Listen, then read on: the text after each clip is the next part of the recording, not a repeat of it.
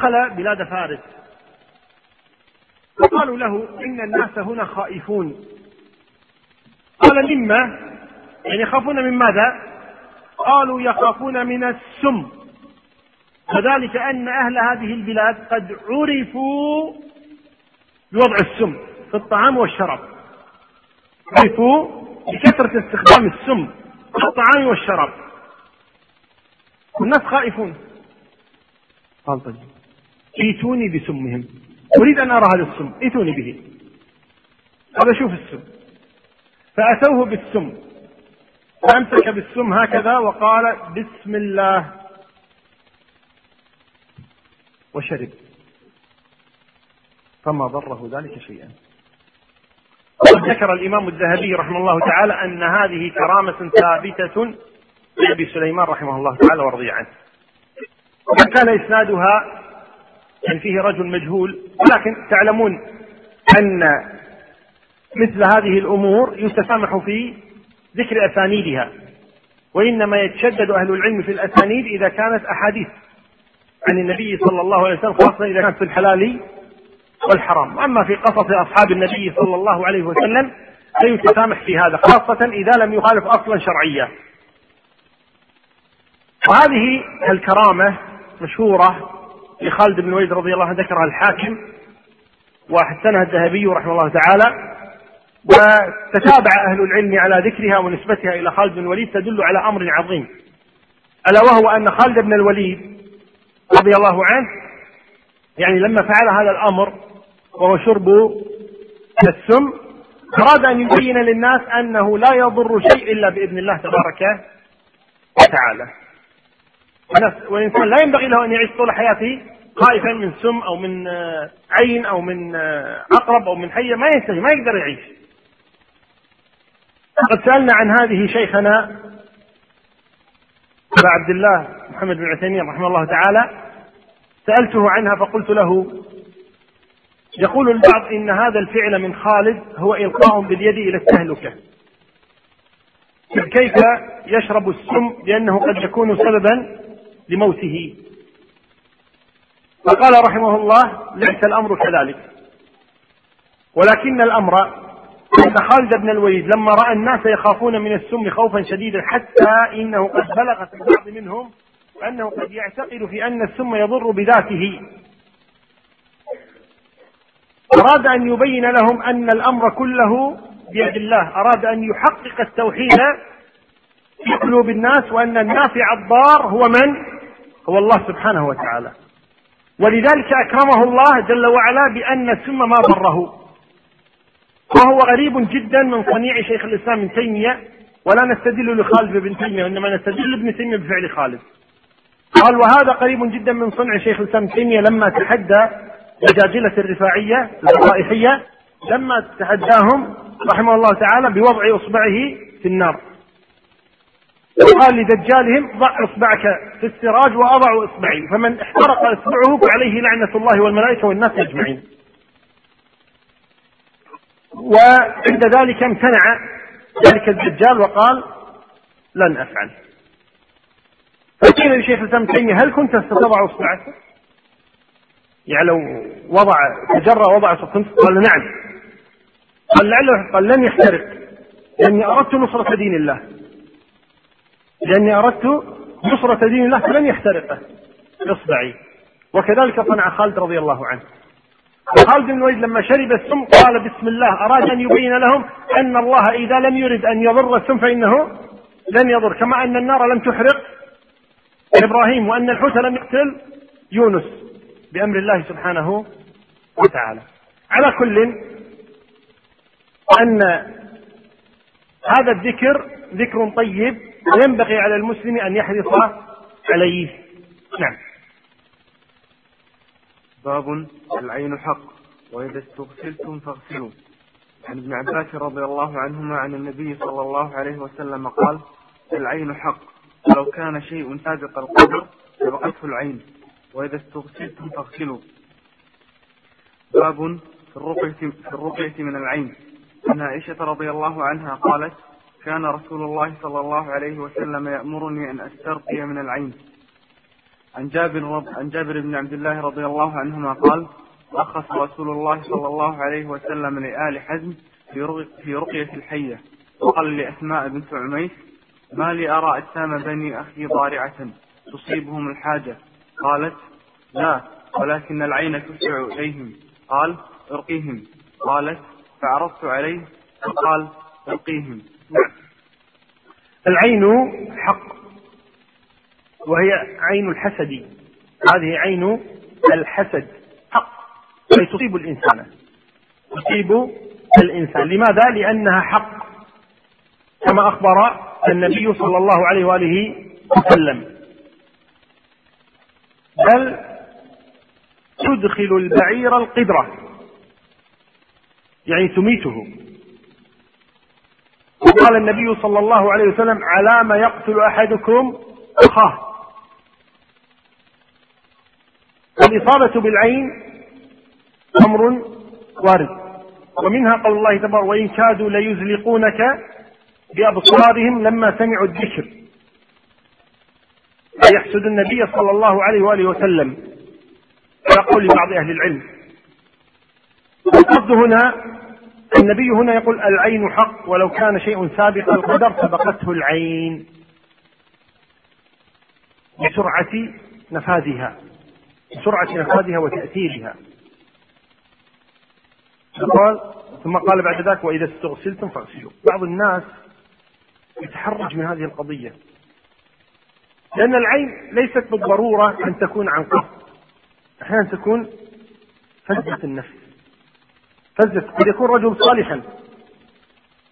ولكنه يعين نائم يصيب الناس بعينه.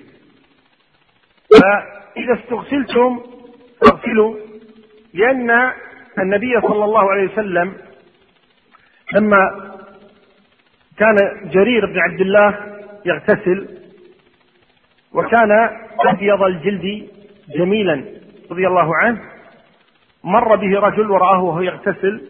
قال في السابق ما في حمامات وإنما كان يضع حاجزا إلى صدره لا يرى ما أسفل من الصدر ويغتسل. فرآه رجل شاف شعره وشاف بياضه وشاف جماله. كان يسمونه يعني بن عبد الله يسمونه يوسف هذه الأمة.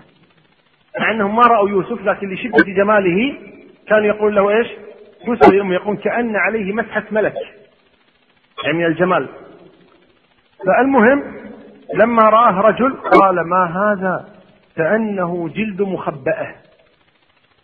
مخبأة يعني هي البنت المخدرة يعني بنت صغيرة التي هي في قبل الزواج. البنات في هذا السن في السابق كانت لا تخرج من البيت يسمونها مخبأة مخدرة. يعني حتى لا تخرج من البيت. ينتظرون زواجها ينتظرون زواجها. وحرصا على عدم تأثر الناس بها فتحبس في البيت إلا قليلا يعني ما تخرج إلا لحاجة. قال ما هذا؟ كأنه جلد مخبأة. وحدة بوحدة. جابه. فقط. فقط يتلبط. فأخبر النبي صلى الله عليه وسلم قال على ما يقتل أحدكم أخاه. على ما يقتل أحدكم أخاه. إذا رأيت شيئا يعجبك فبرك. تبارك الله. قل ما شاء الله. طيب لكن هكذا أعطى هذه الكلمة فأسقطه أرضا. فأمره النبي أن يغتسل له. فتوضأ ثم أخذ وضوءه وسكب على جرير فقام كأنه لم يصب. كأنه لم يصب. الذي يحدث أحيانا أنه يقع شك. يعني زياد مثلا أنا شككت أنه أصابني بعين قال كلمة. طيب. وبعد هذه الكلمة أنا ما ترجعت. أبدا حسست أني ماني مضبوط. بعد هذه الكلمة. قلت لعله زياد لما قال هذه الكلمة خرجت إيش؟ جلد واضح ولا لا؟ فأثرت. فأذهب إليه أقول يا زياد أعطني وضوءك. أنا شاك أن الكلمة التي خرجت منك هي التي أصابتني طبعا زياد هنا يقول أفا شك فيني. تدري شرح علي اللي ما شك. هذه آخرتها. ما في داعي لإيش؟ تعظيم الأمور. الأمور أسهل من هذا أعطي وضوء شو المشكلة يعني؟ لأنها قد تخرج أحيانا من أقرب الناس ولا يقصدها. قد تخرج من أقرب الناس ولا يقصدها لكنه لم يبرك. أنساه الشيطان. أن يبرك قد لا يكون هو قد آخذ وضوءه واغتسل ولا اشفى قد يكون العائن إيش؟ شخص آخر. قد لا تكون عين. لكن الشاهد الآن لو طلبت منك لا تحزن. لو طلب منك هذا لا تحزن ولا تتضايق وأنت لا تتحرج من طلبه من الناس. إذا شككت أنه أصابك فلان بعين فلا تتحرج بطلب الوضوء منه. بعض الناس يتحرج ويبقى لا يزعلون لا كذا ما يرضون لا كذا. صحيح. لكن لو بين لهم أن هذا الأمر لا بأس به وأنه يمكن أن يكون الأمر خطا يعني يقبل الناس ذلك. على كل النبي صلى الله عليه وسلم يقول وإذا استغسلتم فاغسلوا أي إذا طلب منكم الغسول أو الوضوء فادفعوه وإن لم تكن انت السبب وإن لم تكن أنت العائن. ولا تحزن لأجل ذلك لأن المريض يتعلق بأي سبب. أليس يذهب المرضى إلى السحرة وإلى المشعوذين وإلى الدجالين ويرون أنه كفر ويذهبون إلى ذلك؟ لماذا؟ لشدة ما يجدونه من الألم. فلا تتع... يعني تغضب من أخيك إذا طلب منك وضوءا أن تدفعه إليه. وحديث عائشة تقول كان النبي يأمرني أن أسترقي من العين. أيضا هذا كذلك. وحديث جابر أن رسول الله رخص لآل حنس في رقية الحية وقال لأسماء ما لي أرى أجسام ابن أخي ضارعة. ابن أخي أولاد جعفر أسماء هي بنت عميس زوجة جعفر بن أبي طالب. أسماء زوجة جعفر بن أبي طالب. فالنبي صلى الله عليه وسلم بعد ذلك زوجها أبو بكر ثم تزوجها علي بن أبي طالب. بعد ما استشهد جعفر تزوجها أبو بكر. لما توفي أبو بكر تزوجها علي بن أبي طالب. الآن كانت تحت جعفر. فقالها النبي صلى الله عليه وسلم ما لي أرى أبناء أخي أجسامهم ضارعة. هي ضعيفة. تصيبهم الحاجة يعني ما عندكم أكل ما عندكم شيء تعطونهم هل في حاجة عندكم؟ نقص. هل تصيبهم الحاجة قالت لا الأمور طيبة لكن العين تسرع إليهم. قد ذكروا بجمال. يعني ذكر أولاد جعفر أنهم كان فيهم مسحة جمال. حتى قيل إن يعني عبد الله بن جعفر كان من أشبه الناس بالنبي. صلى الله عليه وسلم كان يشبه بالنبي. خمسه منهم عبد الله بن جعفر. ومنهم والده جعفر. بن أبي طالب حتى قال النبي أنت خلقي وخلقي. جعفر بن أبي طالب. وكانت في في جعفر مسحه جمال وفي أولاده كذلك. فقالت أبدا ولكن تصيبهم العين. كل ما في الأمر أنه يصيبهم تصيبهم العين. قال أرقيهم. قال فعرضت عليه أي رقية؟ قلت أقرأ عليهم كذا وكذا وكذا؟ قال نعم. فأذن بها صلوات الله وسلامه عليه.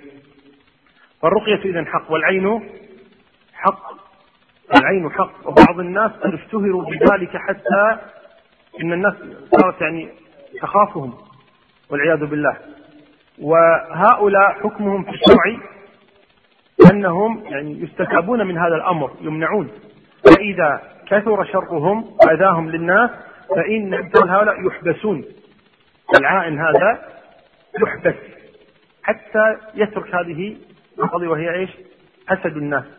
أو إنه يعينهم أي يصيبهم بالعين.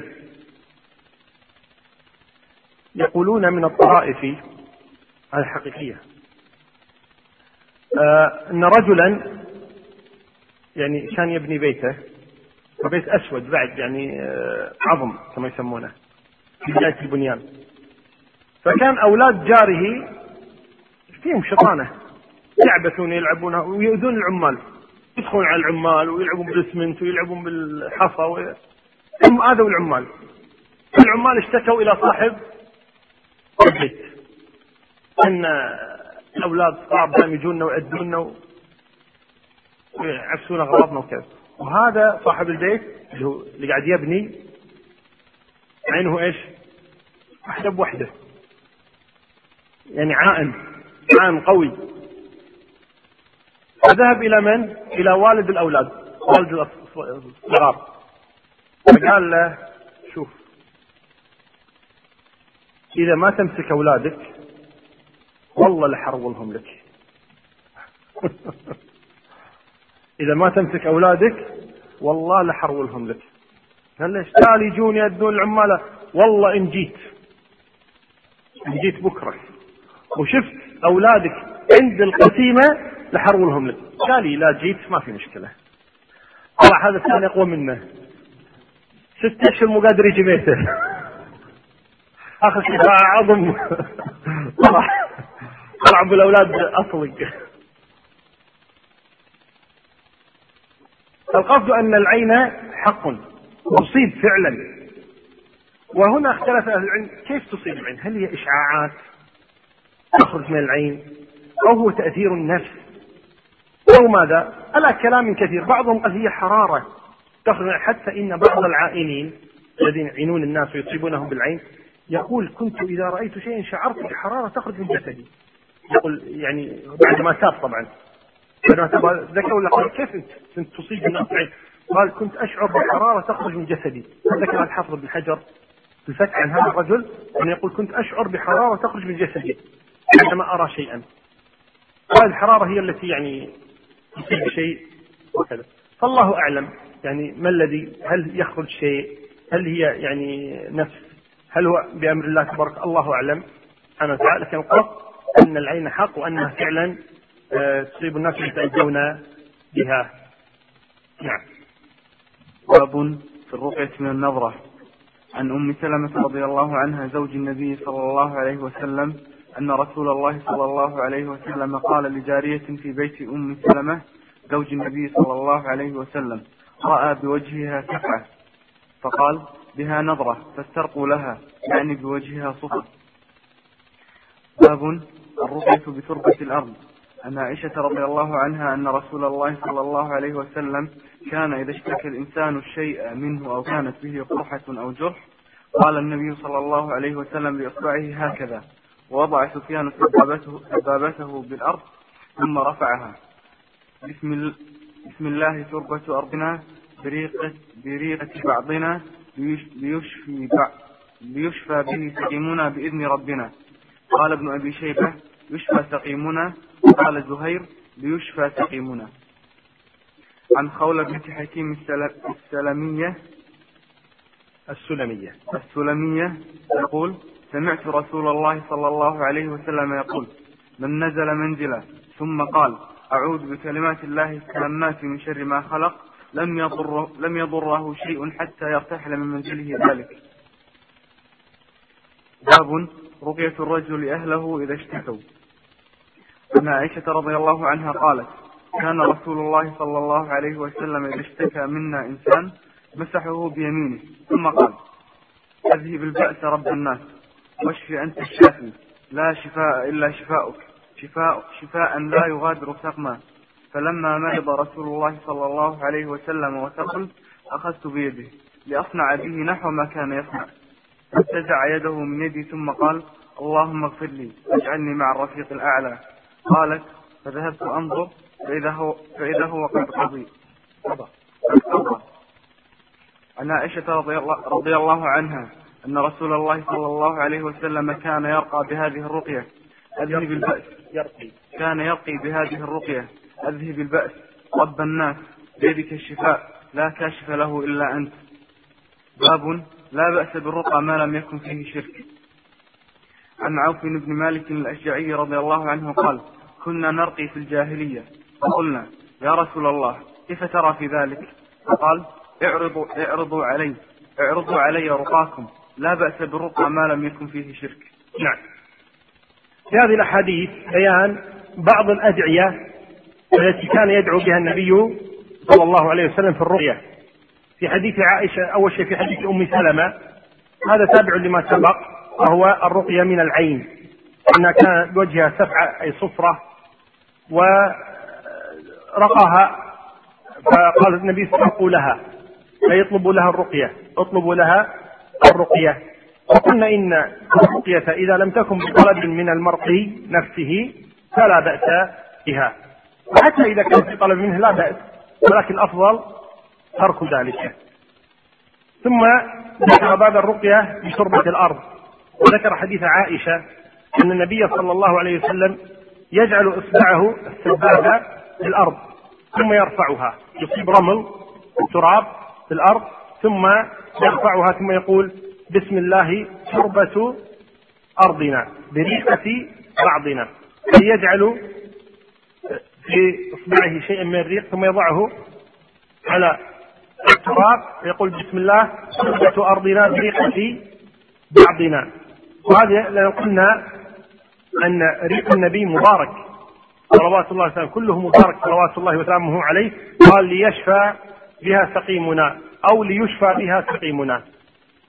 بإذن ربنا. هذا نوع من الرقية كذلك. لو فعلها الإنسان لا بأس أيضا. يجعل هكذا دع يسأل الله أن يبارك بهذا الريق وأن يبارك بهذا الدعاء. ثم يشافي الله تبارك وتعالى ذلك المريض. وإذا قالوا ليس خاصا بالنبي صلى الله عليه وسلم وإن كان ريقه مبارك غير ريق الآخرين وكذلك ذكر حديث عائشة وهو أن النبي علمها الدعاء عندما كان يقرأ ذلك صلى الله عليه وسلم أذهب الباس رب الناس واشف أنت الشافي لا شفاء إلا شفاؤك شفاء لا يغادر سقما يقول لما مرض النبي صلى الله عليه وسلم أردت أن أفعل ذلك معه فأمسكت يعني يده يعني تغطيه بهذا فأخذ يده منها. لماذا؟ لأنه علم أن هذا أوان موته. صلوات الله وسلامه عليه. ثم قال مع الرفيق الأعلى. ثم توفي صلوات الله وسلامه عليه بأبيه هو وأمي. ثم ذكر الحديثين اللذين بعدهما وهما يؤكدان هذه القضية وهو ذكر الدعاء ثم ذكر أن الرقية لا بأس بها ما لم تكن شفاء